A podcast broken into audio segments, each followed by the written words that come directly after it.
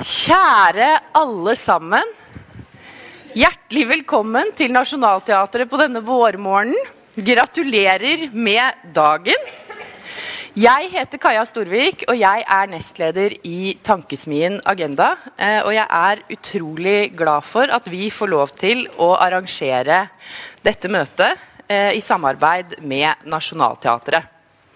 Teater har jo aldri handla om teater, det handler om samfunnet. Eh, og Nationaltheatret, en av våre eldste institusjoner, er fortsatt i front når det gjelder å ta opp viktige ting som skjer der ute i samfunnet.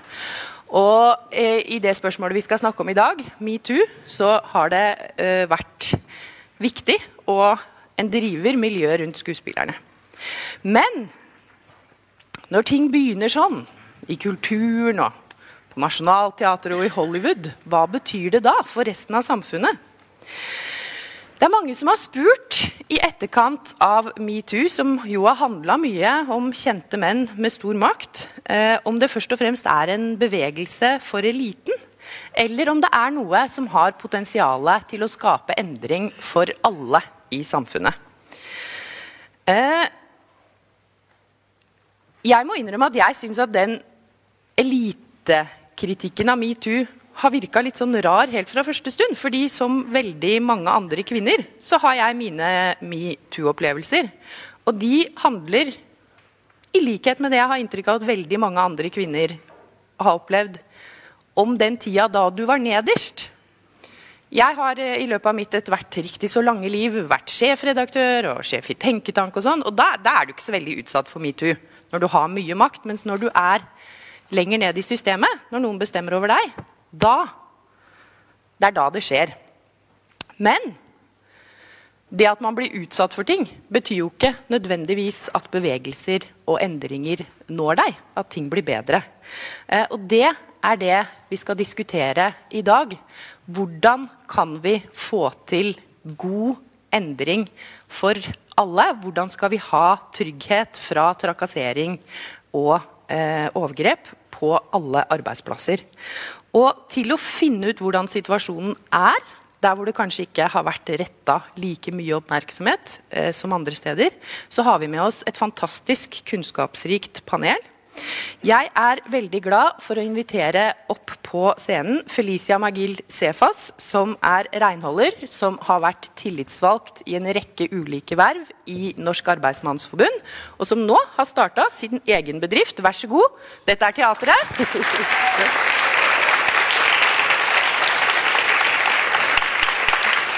Så har vi med oss eh, Trine Wiggen, som er skuespiller her på Nasjonal og har vært en viktig stemme i metoo-debatten. Vær så god, Trine.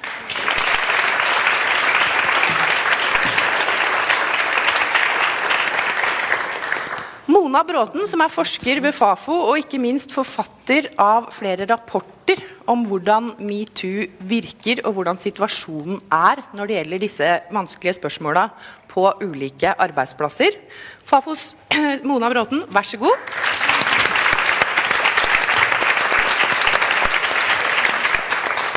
Og sist, men på ingen som helst måte minst, Madeleine Schultz, som er journalist i Agenda Magasin, medforfatter av boka F-ordet, 155 grunner til å være feminist, og som følger dette feltet på jobb hver eneste dag.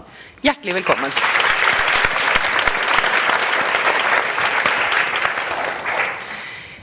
Jeg tenkte vi skulle begynne med deg, Mona. Uh, å høre, fordi Du har jobbet med ulike rapporter om, om seksuell trakassering uh, i arbeidslivet. og Hvis du kan, kan, begynne med å fortelle litt. Jeg vet at dere har både en rapport om uh, teater- og kulturlivet. og en rapport som handler om renhold og ansatte i hotellbransjen også. Vær så god. Fortell, hva er det dere finner? Eh, jo, eh, takk for det. Eh, ja, vi har, som kanskje flere her vet, gjort studier av seksuell trakassering på arbeidsplassen blant ansatte i hotell og restaurant, som du nevnte, og helse- og omsorgsyrker. Den undersøkelsen gjorde vi før metoo, og sånn rett i forkant. Og da var det lite fokus på seksuell trakassering som et uh, problem eller som et tema på arbeidsplassene. Eh, så kom metoo, og da ble det veldig fokus på det. Eh, og i etterkant av det så har vi da også gjort eh, en undersøkelse blant eh, utøvende og eh, skapende scenekunstnere. En ganske bred sammensatt gruppe av, av kunstnere. Uh, og det vi finner, er jo at seksuell trakassering det er uh, utbredt både høyt og lavt, skal jeg sagt. Hvis, det, hvis, vi kan snakke om høystatusyrker og, og lavstatusyrker. Uh, vi, er, jeg ser liksom ikke noe poeng på å sammenligne omfanget i den ene og den andre gruppen. Jeg kan kanskje si at det er et utbredt problem. Og det er kanskje litt forskjellig fra om du jobber Eh, med renhold på hotell, eller om, om du står på, på, scenen på Nationaltheatret, så er kanskje utfordringene litt forskjellige, men eh, problemet er like stort. Ja. Og det er et ganske omfattende problem også i Norge? Ja, jeg vil si det. Ja. Mm. Mm. Felicia, da vil jeg gjerne spørre deg. Du har jo eh, jobba i renholdsbransjen, du driver, eh, du driver et eh, renholdsfirma. Eh, og altså dette med trakassering og, og plaging på arbeidsplassen. Eh, jeg, vet, altså jeg har snakka med deg på forhånd, og jeg veit at det eh, skjer. Kan du fortelle litt om, om, hvorfor, hvordan det skjer, og hvorfor det skjer på arbeidsplasser som du eh, kjenner til? Ja, det er jo først, først og fremst det handler om at man skal være trygg. Mm. Og tryggheten for meg, det er at uh, på arbeidsplassen det er hele stilling. Mm. Og hele stilling gir makt. Og det gir uh, uh, Det å være med det du, du driver med. Også det handler om at arbeidsforhold er god nok. Mm. Rettigheter er møtt opp. Men eh, vi har jo mange som dessverre går inn eh, deltidsstillinger, ufrivillig deltidsstillinger, som går i eh, som tilkalling, vikartilkallingsstillinger. Mm. Som eh, Ja. Mm. Sånn at hvis du har ustabile forhold på arbeidsplassen din, ja. hvis det er sånn at du får bare jobbe ja. hvis du er grei, f.eks., så er du mer utsatt. Og det ja, er et omfattende utsatt, problem i deres bransje. Mm. Eh, sånn at når dere jobber med metoo, så handler det egentlig mye om arbeidsforholdene og hva slags rettigheter du har som mm, arbeidstaker. Mm, mm, eh, vi snakka også litt om, jeg lurer litt på eh, Har du merka noe endring etter metoo-bevegelsen? Har det også ført til forandring på, i din bransje? Ja, det jeg kan si metoo er jo en god start. Men vi har jo en vei å gå på. Ja. Når man ikke føler seg trygg, hvordan skal man komme ut og uttale seg om eh, f.eks. seksuell eh, trakassering. Så det, det, er en vei å gå, men det er jo en god start. Mm, tusen ja. takk. Ja. Eh, Trine, eh, jeg lurer på Hos dere så har det jo vært massiv oppmerksomhet om metoo. Mm. Eh, og jeg tror eh, Jeg ble ganske sjokkert egentlig når jeg på en måte så hvor mye Hvor mange historier som kom. Eh, hvor mye som hadde skjedd. Um, har metoo ført til endring? Jeg vet ikke helt, jeg. Nei? Altså, eh, det har i hvert fall endra bevisstheten. Mm. Eh, kanskje om at eh, Hva er det som ligger bak at menn syns at de har rett til å oppføre seg sånn? Ja. Eh, så altså, jeg ble ikke overraska eller blir overraska over at det er så grovt. i og for seg, Det, det blir jeg overraska over. Men, men, som Mona sier, så eh, handler det om hvor altså, Nå er jeg jo såpass gammel og såpass, har såpass mye makt på en måte i kraft av min erfaring og min posisjon at, at jeg heller ikke blir utsatt for det i samme grad. Men jeg tenker Det handler jo ikke bare om trakassering av seksuell art, det handler om kjønnsdiskriminering. sant? Mm. Uh, uh, så og mennene, altså Min mann ble veldig overraska. Sånn, ja, det her det har jo bestandig vist at det er, sånn, sånn, er det bare.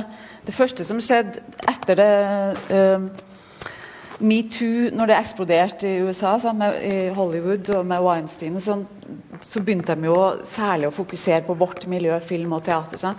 Så da ringte jo sånne eh, nysgjerrige, litt sånn kortpusta journalister for at de ville høre noen pikante historier. Så jeg bare avvist at det, det, er, altså, like, det er akkurat Det er ikke noe verre hos oss enn det er i andre bransjer. Jeg hadde ikke noe lyst til å fortelle noe som jeg visste. Eh, men så begynte det Tystnad for taging i, i, Sverige, som begynte bare som en egentlig en sånn eh, messenger-tråd. Mm. Og så utvikla det seg da, til Facebook-tråd. Eh, og det samme gjorde det her at det var noen norske skuespillerinner som var utdanna i Sverige, som, som, bare ville ha sjekk.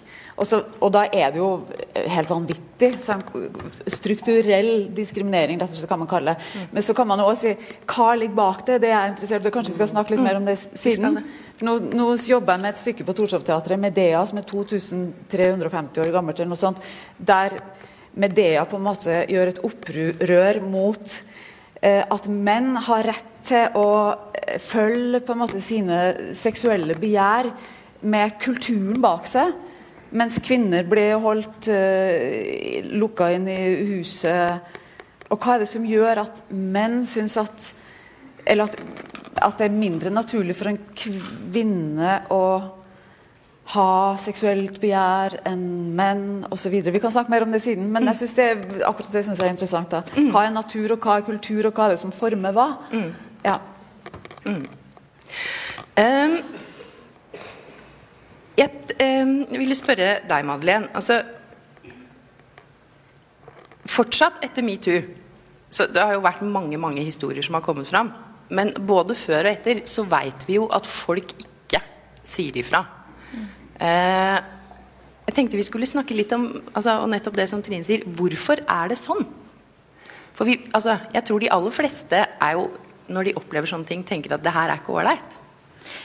Eh, nei, jeg tenker altså at det er tosidig, det her med på en måte hva metoo har oppnådd. Altså Den ene tingen er jo det her med liksom perspektivforskyvning. Eh, eller at man i større grad kanskje hører på liksom, kvinnens historie da, enn det man har gjort før. Det syns jeg helt klart. Altså holdninger og de tingene.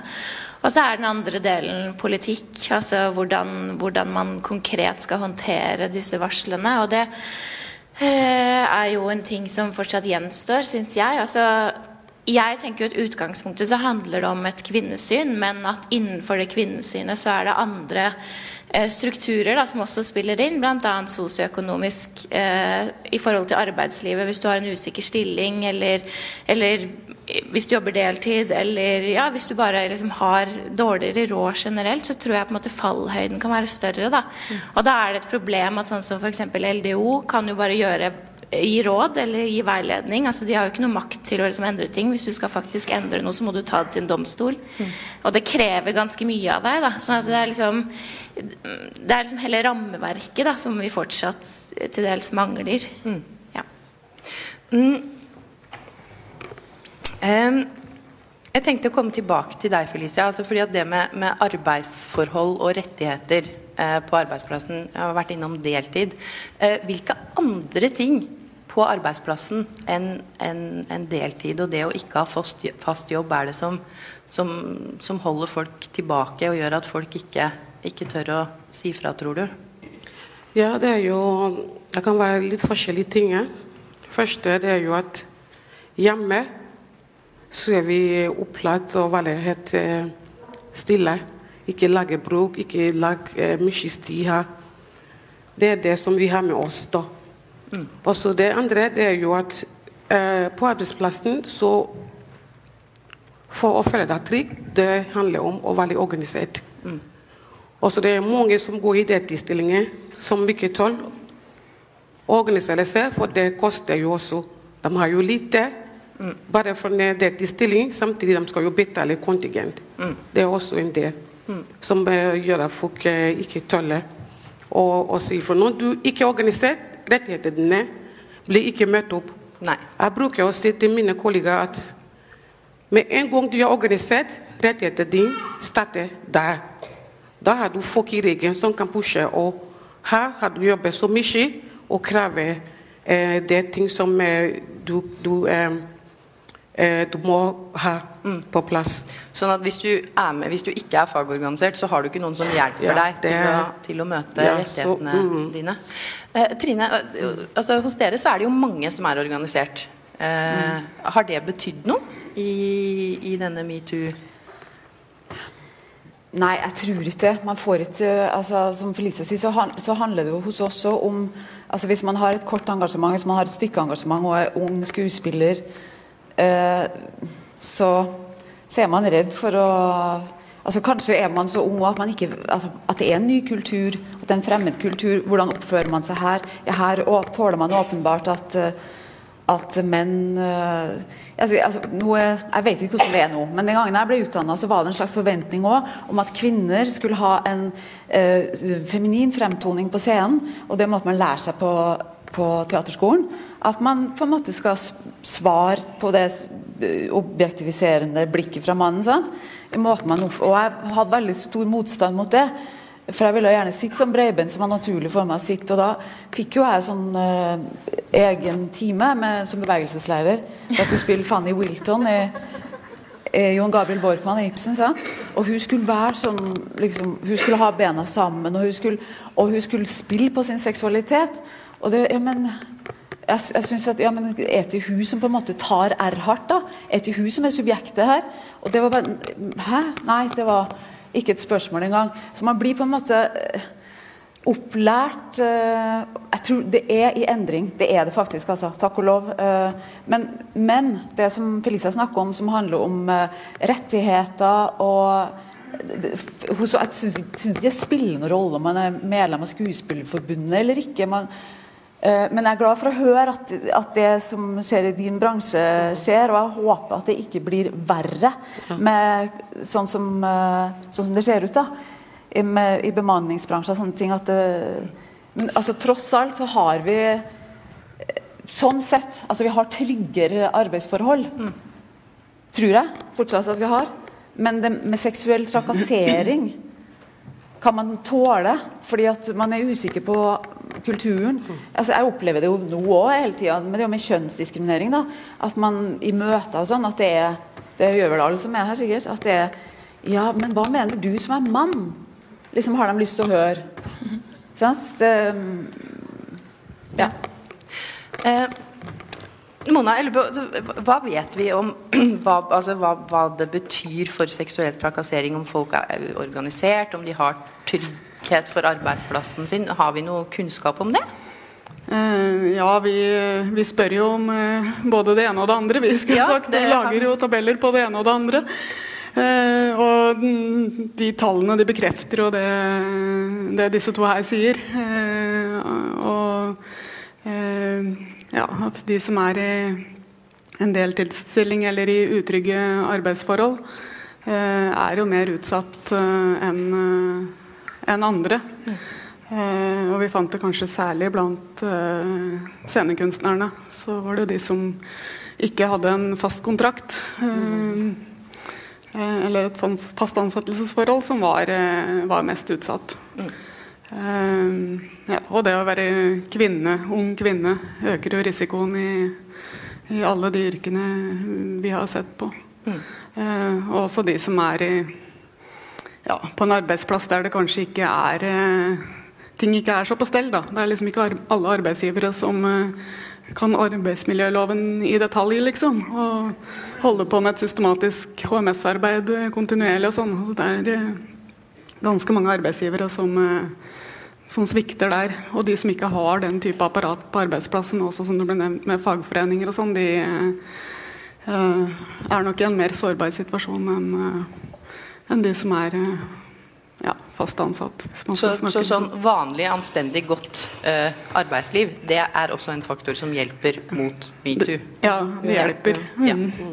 Uh, men um, altså Metoo, Vi har jo sett det over bredden, på en måte, så det er jo åpenbart at det også handler ganske mye om holdninger.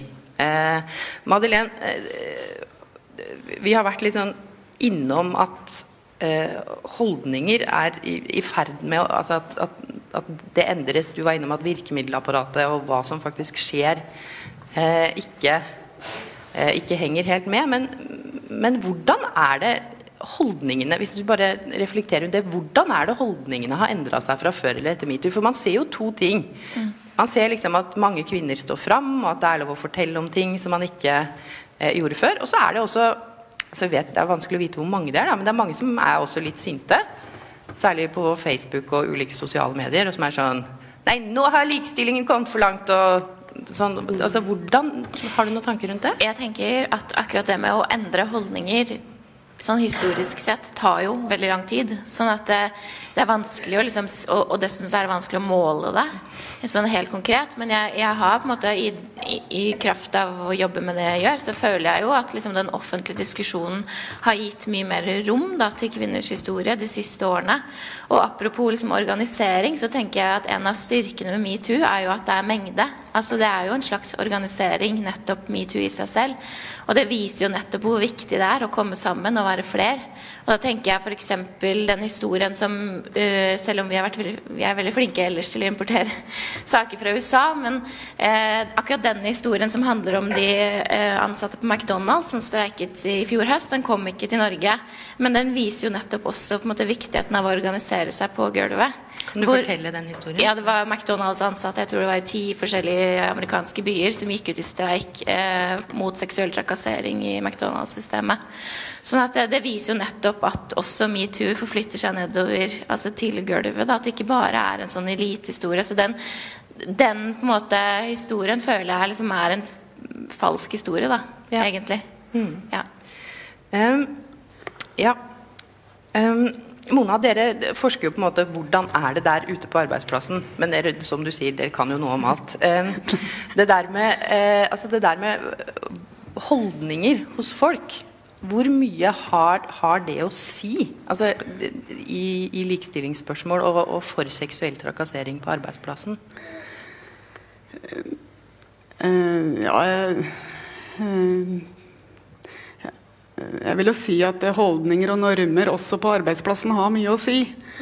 Eh, hvilken sjargong, hvilken omgangstone, hvilke holdninger gjelder på arbeidsplassen.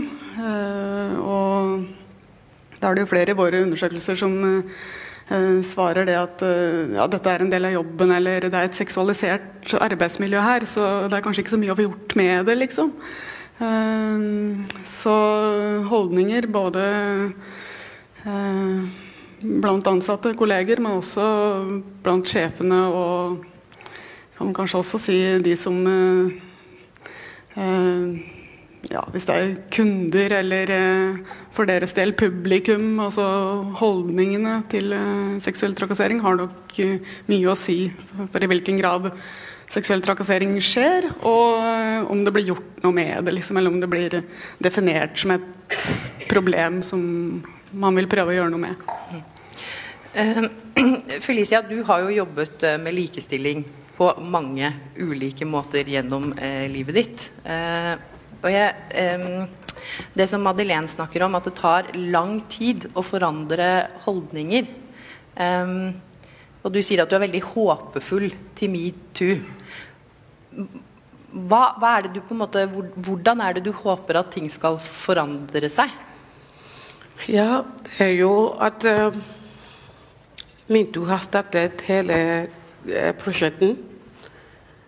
Uh, nå må vi begynne å snakke om det. Vi må begynne å tåle å si ifra. Mm. Og også det må komme endringer kanskje i ja, sånn sa-avtale på arbeidsplassen.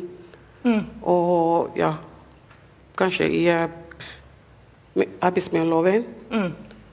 Som uh, kan uh, hjelpe å pushe dette her fram. Mm. Eh, jeg vet jo at du jobber altså Du har jo starta din egen bedrift fordi du ville gi flere kvinner eh, muligheten til å jobbe og tjene sine egne penger. Eh, du trivdes jo egentlig godt som tillitsvalgt, du, men så tenkte du nei, må skaffe flere jobber. Det er det folk trenger. Eh, altså, snakker dere eh, om disse tingene på arbeidsplassen mer nå enn før? Jo, mer enn nå, ja. ja. Vi snakker om det mer, om eh, det som har skjedd. Og at vi har eh, gitt fram eh, hvordan man skal varsle. Mm. Om du ønsker å stå fram, eller du ønsker å gjøre det eh, hemmelig. Så det må være muligheter for det. Nettopp. Vi har jo varsling-app som vi har laga i våre eh, systemer. Ja. Der du kan eh, gå inn og skrive. Da kan vi starte der, hvis du ikke tåler å komme og si fra. Ansikt til ansikt. Så det er jo det vi prøver. Sånn at de, dere lager systemer for at det skal bli lettere, Lettere. eh, å, å si fra. Eh, Trine eh, Også en ja. ting det er jo at eh, eh, vi er ikke så stor, vi er ikke mange nå, men eh, at vi har jo et tillits, tillitsmann på stedet som kan ta disse tingene opp og gjøre det lettere for folk å komme ut og melde fram. Mm. Så tidlig på plass er viktig. Ja. Vektor. At det er noen der man kan Ja, snakke med. man kan Ja. snakke med. Hvordan er på en måte systemene for dere skuespillere? Så det, eh, det har det jo en økt bevisst har det vært en økt bevissthet for, på, i hvert fall på arbeidsplassen her. altså veldig, det, Og på Det Norske Teatret vet jeg òg. At man har snakka mye om det og laga tydelige på en måte, veier man kan gå da, hvis man, hvis man blir utsatt for sånt. Og, og, det håper jeg jo at folk uh, tør å gjøre.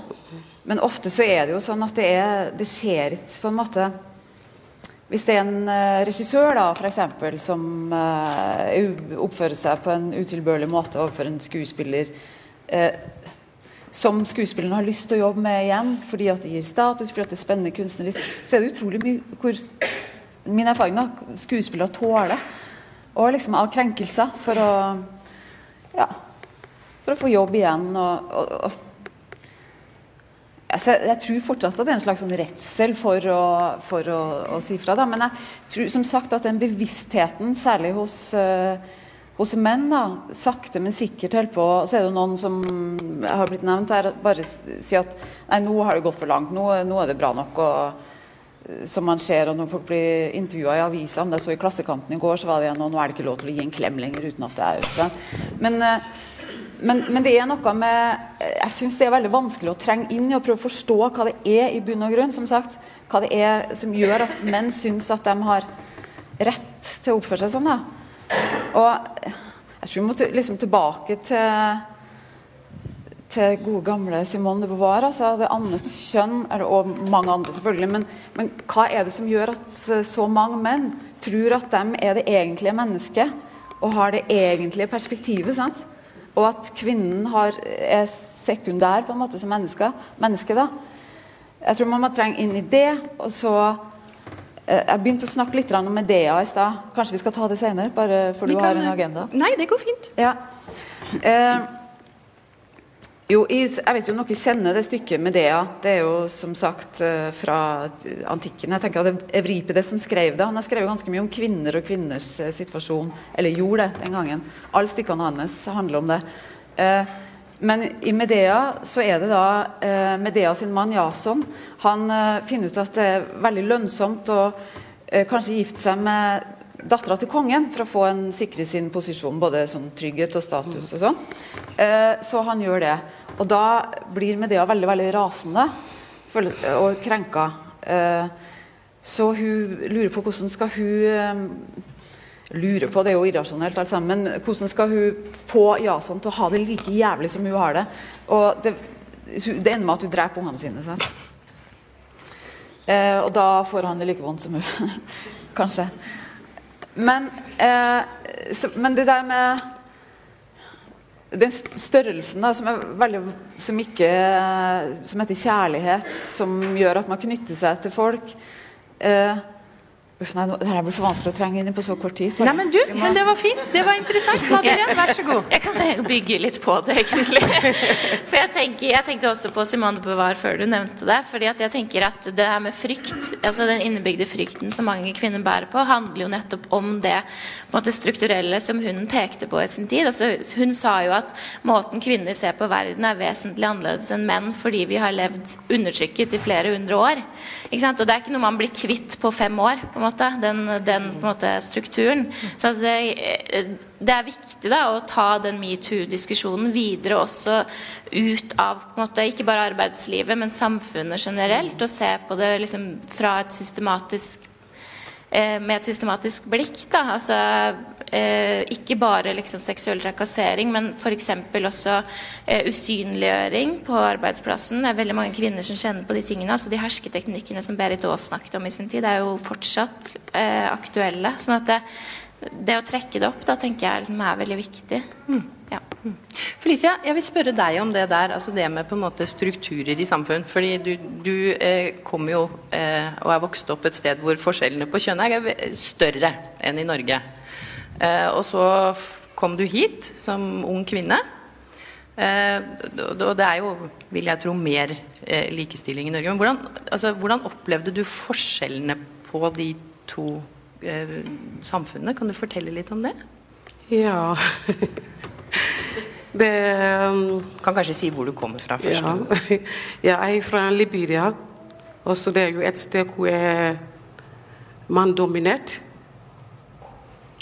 Og å komme fra den kultur hit da likestilling står veldig sterk. Det har vært veldig veldig krevende både hjemme og så både for å få eh, foreldrene våre hjemme til å kjenne at eh, det er endring som skjer her. eh, det er ikke enkelt. Men ja Men mer, mer info, mer innsikt i samfunnet, så har vi kjent at både mannen vår har kjent at OK, det her må vi endre på. Og det er til gode for familie mm. at damen min, kona mi skal gå ut og få nettverk og få være med i samfunnet og få eh, Ja. Grunnen til at jeg spør om det, er fordi sant, vi vet at de, de endringene er liksom Det å få til forandring i hvordan vi tenker, det er jo kjempevanskelig. Det, det vet man jo sjøl. Det er jo kjempevanskelig å forandre på noe. Eh, og jeg i hvert fall som er vokst opp her og har levd et ganske sånn likt liv. Hele mitt liv har vært ganske likt. Så jeg forandrer meg jo sakte sammen med samfunnet, som regel. Mens du har vært gjennom en sånn vush, kjemperask forandring. Og jeg lurer på liksom mm, eh, Hva kan man gjøre eh, for å få sånne endringer til å gå fortere? For det har jo dere på en måte gjort. Har du noen tanker ja, rundt det? det er jo det er jo derfor at eh, jeg har i dag. At andre kan se at ja, det er muligheter her. Det er en plass mm. Hvor man kan føle seg trygg. Det er en plass hvor man kan ytre seg. Mm. At de andre kan være med. For mm. det er jo mange som er, er veldig skeptiske til både organisering på arbeidsplassen, til å være med i eh, eh, nettverk. Ikke sant? At du kommer til å For det er noe som kaller man for norsk. Ikke sant? Fordi at du begynner å tenke, åpne dine tanker og så akseptere, endre på ting mm. som er gode. Vi har jo mange gode ting fra der vi kommer fra, mm. som vi skal fortsette å høre på. Og så mm. har det masse gode ting. Så det er mm. en måte å kombinere. Og at ja. Men ja, det å vise i praksis at ting blir bedre altså det å ha liksom, og Sånn sett så må man kanskje kunne si at den metoo-bevegelsen har mye kraft i seg. Da, for der er det jo noen som, ja. som går ut og, og, viser at det går an å ta opp ting og, og skape endring, selv om det er, det er vanskelig. Um, hvordan har det, altså Hva slags betydning har det, de der som kom først og sa først, og at nå er det mange som har fortalt? Hva tror du det det betyr? Det er jo en slags liten, en liten revolusjon, på en måte. Og så håpe at den ikke blir slått tilbake, men at man fortsetter å som sagt, da, prøve å trenge inn og forstå hva det er. Som, eh, sånn at man kan uh, få til en reell endring. Og det, handler jo veldig mye om også at vi jeg, Nå bare snakker jeg litt i forhold til arbeidslivet mitt. for Jeg spilte en spilt en Valerie Solana, som var for noen år siden i et stykke som, som heter Valerie Solanas vil bli president i Amerika. Valerie Solanas var kjent for det Scum-manifestet, som kanskje noen av dere kjenner. Som egentlig bare Hun endevender mange eh, altså Hun har gått gjennom hele litteraturhistorien her, har jeg inntrykk av, og endevendt ting som har blitt sagt om kvinner av Aristoteles, av Thomas Akinas, i Bibelen. I, altså Fullt av mannlige filosofer. Måten de snakker om kvinner på. Og så har hun vendt det på hodet. Og så virker det bare som et helt vanvittig eh, revolusjonært og voldelig manifest. da. Men hun sier jo bare det om eh, menn som menn har sagt om kvinner til alle tider. Jeg skulle ha hatt noen sitater her. dere, for at det, eh, men ett da, som jeg kan snakke om eh, som nå, som nå blir sagt av Jason i, i det Medea, altså mannen til Medea etter at han har forlatt henne. Eh, han han syns det er så irriterende at hun raser sånn og oppfører seg så dårlig etter han, at han har begynt å ligge med hun andre der. Eh, og, så, og så har hun en liten sånn vending der hun skal narre han til å tro at hun har gått med liksom, på at, hun, at han bare skal få ungene, at hun skal bare flytte ut av landet. Eh, der han liksom sier at ja, det er bra at hun nå har forstått med det. Du, du tok feil, jeg hadde rett. Og så er det Åh, gud, jeg, må, jeg skulle hatt det her. Men det han sier da i bunn og grunn, det er jo at uh, Faen, jeg skal hente. Gjør det! Men mens du gjør det, så skal vi si tusen, tusen takk til Mona Bråten fra Fafo og Madeleine Schultz fra Agenda Magasin. Takk for at dere var med oss på scenen i dag. Du, du Hun skal stå, ja. Ok. Og så skal vi sakte, men sikkert eh, få ønske eh, Anette Trettebergstuen, som er stortingsrepresentant for Arbeiderpartiet og første nestleder i kulturkomiteen, velkommen opp på scenen. Men hun skal ha et lite mikrofonskifte først, så da kan du få fortelle ferdig. Ja, det var lurt. Skal vi se. Altså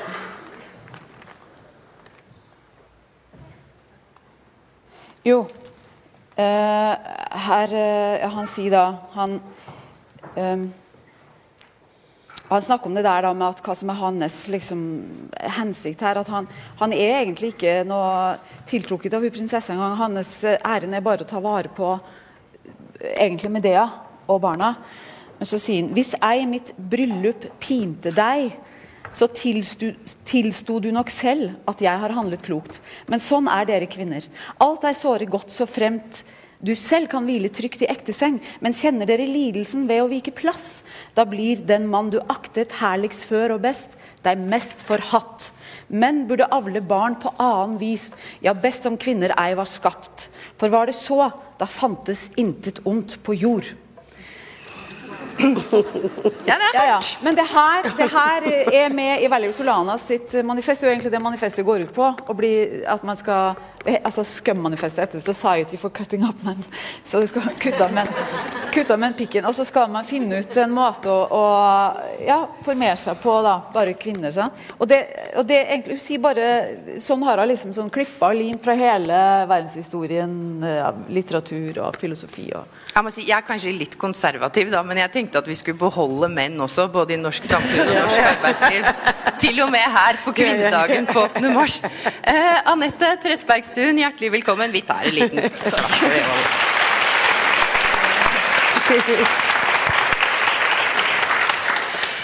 Eh, Du har fulgt metoo-bevegelsen, eh, øh, og, du er jo feminist, men du er jo også ikke minst politiker. Og hva eh, gjør dere nå for å følge opp dette her? For at det skal bli eh, mer enn det at man snakker om det, som jo er bra i seg sjøl. Ja, bare en liten refleksjon eh, rundt det jeg har hørt av eh, disse fantastiske damene. Først, ikke sant, det som Eh, det er flere, flere ting som har vært eh, veldig nødvendig og veldig bra med metoo-bevegelsen. Det er jo ikke sånn at de tallene og, som Fafo legger fram, eller de historiene som dere forteller, det er ikke det at dette er nytt for oss. Altså Seksuell trakassering eh, var ikke noe som kom til vår bevissthet med metoo. Dette har vi, spesielt kvinner, eh, eh, visst at det har eksistert, og at verden har vært på den måten i all tid. Det som har vært bra med metoo, eh, som bare en sånn type grasrotbevegelse eh, og kampanje, som etter hvert fikk en kjempekraft, en kraft til å utfordre hele patriarkatet. Det som er bra med en sånn kampanje, er at det får flomlyset på et viktig tema eh, innenfor likestillingspolitikken, som som annen likestillingspolitikk også, dessverre har vært for spesielt interesserte. Um, det det har gjort, er jo det et, eksempel på hva metoo har ført til her hjemme, er jo eh, altså For det første så kan ikke menn eh, lenger gå rundt og oppføre seg sånn uten at, uten at, det, blir, uten at det blir sett, uten at det blir forhåpentligvis mer slått ned på. det er ikke sånn at man kan sitte og, og le av det eller vitse av det. flere reagerer, håper jeg. Men så er det også sånn at alle norske politikere har vært ute og støtta metoo. Eh, vi er sjokkert over de historiene vi har hørt. Eh, alle vil gå i 8. mars-tog, og dette vil vi gjøre noe med. Det hadde ikke skjedd uten metoo. For det er jo ikke sånn at altså Jeg uh, husker at vi diskuterte seksuell trakassering i Stortinget i 2014. Og da sa Arbeiderpartiet du, vi trenger et såkalt lavterskeltilbud for håndtering av den type saker. Fordi det er for jævlig for den som opplever det, å måtte gå til rettsvesenet og få det håndtert der. Dette burde Likestillingsombudet kunne gjøre. Tror dere noen brydde seg? Nei, overhodet ikke. Men det metoo har gjort, er jo det at vi har fått flomlyset på en viktig del av eh, likestillingspolitikken, seksuell trakassering. Og da er det liksom umulig eh, å, å, komme bort fra at man må gjøre noe. Og så er det jo da for at vi skal kunne dra metoo videre eh, etter dette ett og et halvt år med historier og, og, og demonstrasjoner og, og viktig fokus, så er det jo politikken som må stille opp. Og Det handler jo om ulike ting. Jeg synes Det er veldig viktig og bra at dere har snakka så mye om hvordan det ser ut i eh, arbeidslivet. Um, fordi at det har veldig mye med hvordan samfunnet vårt og arbeidslivet er organisert å gjøre. Fordi seksuell trakassering og trakassering skjer bare i eh, situasjoner der det er skjeve maktforhold.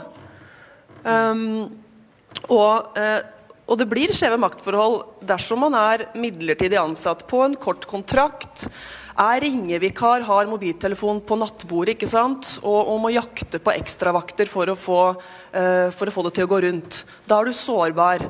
Frilans skuespiller som er redd for å ikke få flere, opp, uh, flere oppdrag uh, hvis man lager bråk, da er du sårbar. Derfor så har det med liksom faste, hele stillinger, um, organisert arbeidsliv, veldig, veldig, veldig mye å si. Um, poenget er jo at vi skal komme dit at, at kvinner og menn skal kunne stille likt og kunne velge fritt.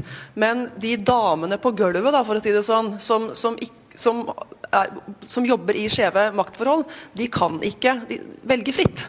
Eh, og det er det som gir grobunn til seksuell trakassering eh, som, som uvesen i arbeidslivet. Men vi må gjøre Nå skal jeg komme til å svare på spørsmålet ditt. Beklager.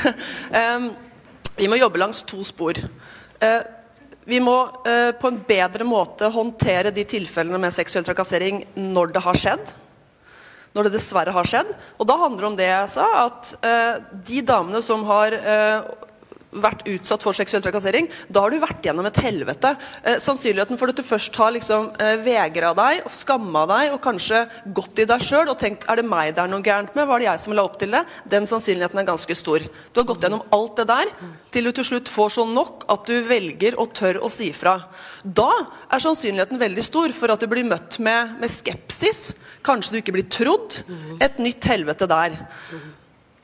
Så til slutt, da, når, hvis du skal gå enda lenger, så må du gå til, til doms til rettsvesenet. Ikke sant? Og den terskelen der er sinnssykt høy. Sjansen for at du kommer dit, er veldig veldig liten. De fleste gir opp. Derfor så mener vi at vi må bygge ned den terskelen, sånn at det blir enklere å si fra og enklere å få gjort noe med det. Derfor så har vi igjen og igjen og igjen foreslått at det er Likestillingsombudet som må håndtere den type saker. Det er litt lettere å gå til Likestillingsombudet enn det er å gå til, til rettsvesenet. Um, og det har jo til slutt regjeringa uh, gått med på. Uh, så nå er det liksom på gang. Det er bra. Nette, vi bare uh, stopper deg litt og bare gjerne høre hva de andre tenker om det. Altså fordi, altså, Dette her med når man først har sagt fra. Du kommer jo fra en bransje hvor, hvor, hvor ganske mange har sagt fra. Uh, du jobber i et, en bransje hvor kanskje færre har, har fulgt opp, uh, opp formelt. Men, men, hva er det det er viktig at skal skje da? Og har det, det lurer jeg spesielt på med dere, skjer det ting med de som har sagt fra, og de som på en måte blir meldt, eller hva man skal si? da? Altså, eh, Hvis det å si fra fører til at man ikke blir utsatt for det igjen, at andre ikke blir utsatt eh, for det igjen, så fører det til noe. Mm. Sant? Men det som må forandres, er jo den måten menn tenker på. At vi er mennesker, både kvinner og menn. Og vi blir forelska i hverandre, og vi har drifter.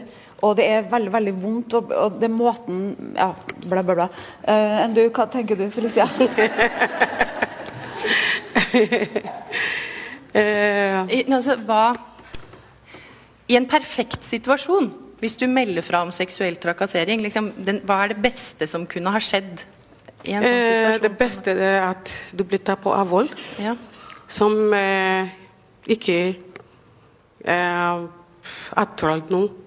Nei. For at eh, nå, folk ikke tror på det du sier.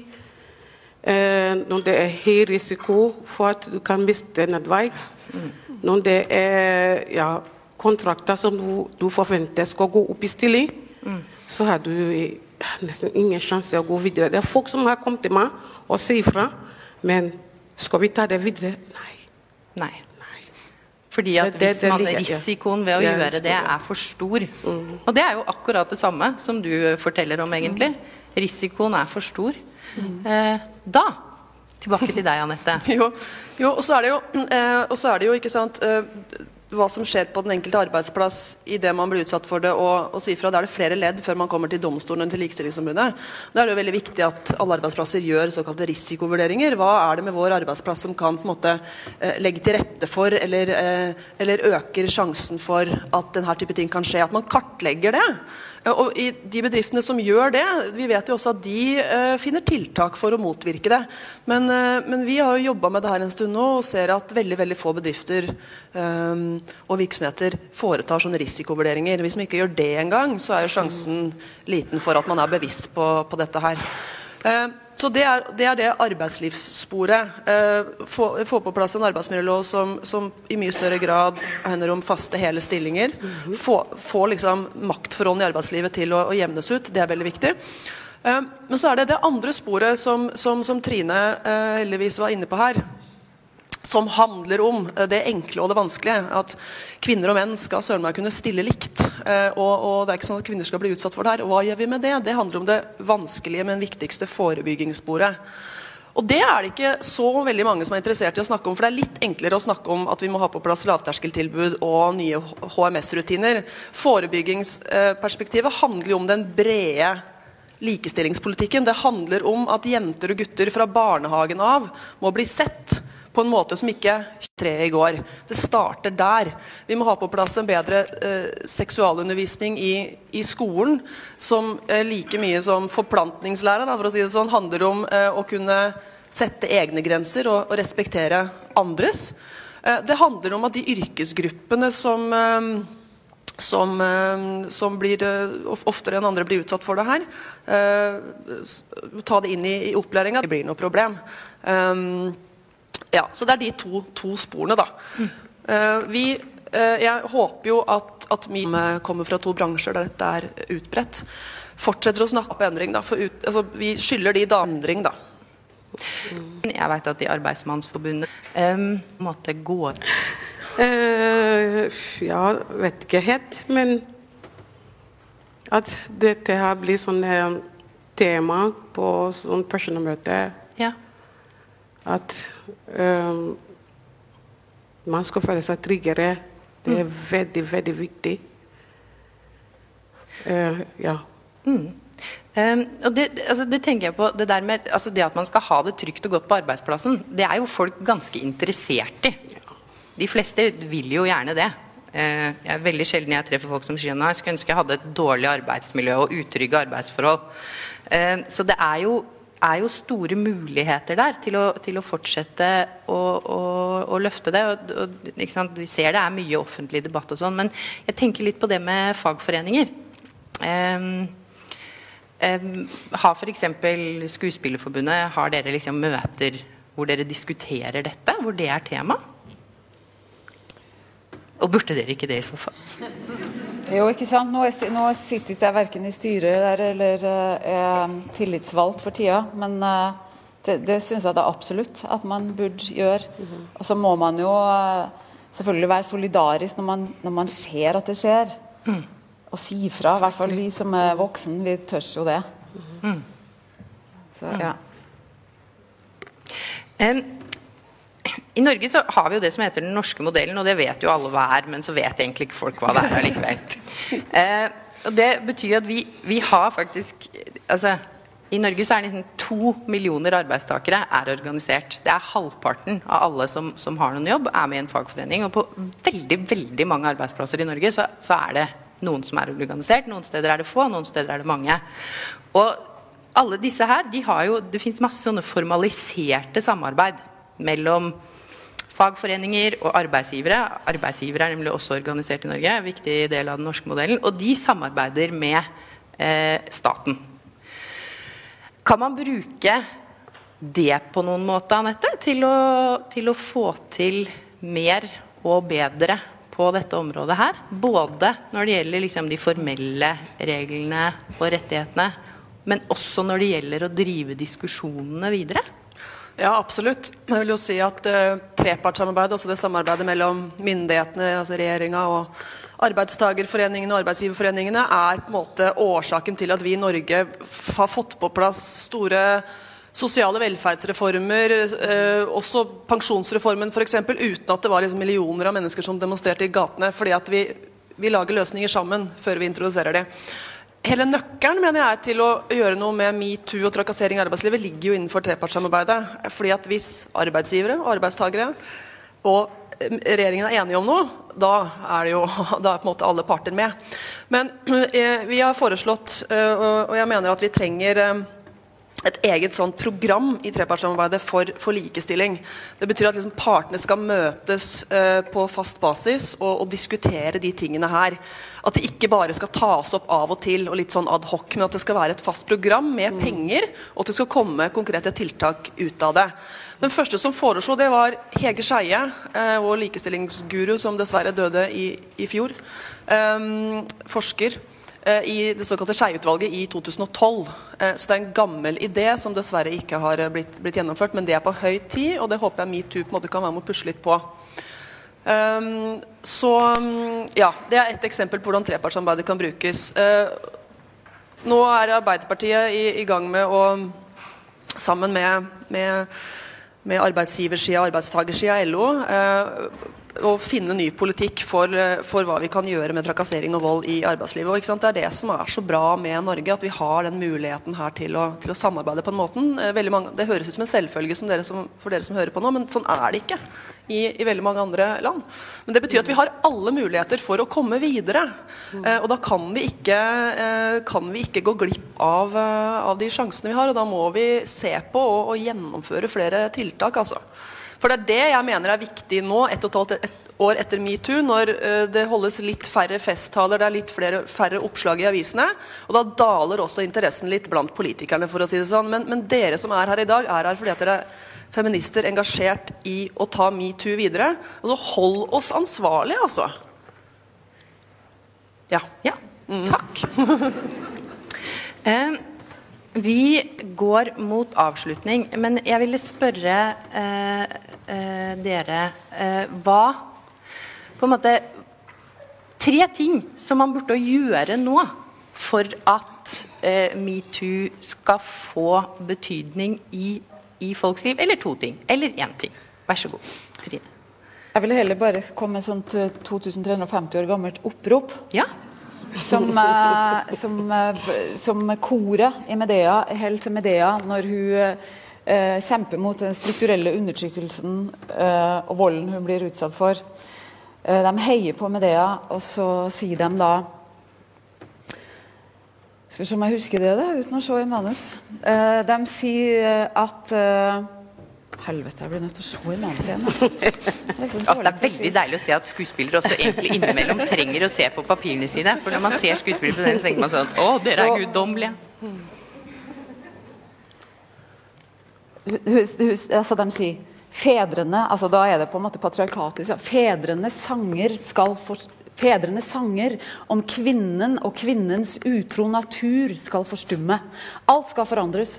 Nå strømmer de mektige elver opp mot sitt utspring, og det som anses som rett, skal bli urett. Tiden er kommet hvor kvinner skal nevnes med heder. Ei skal vi krenkes som før med sårende hånsord.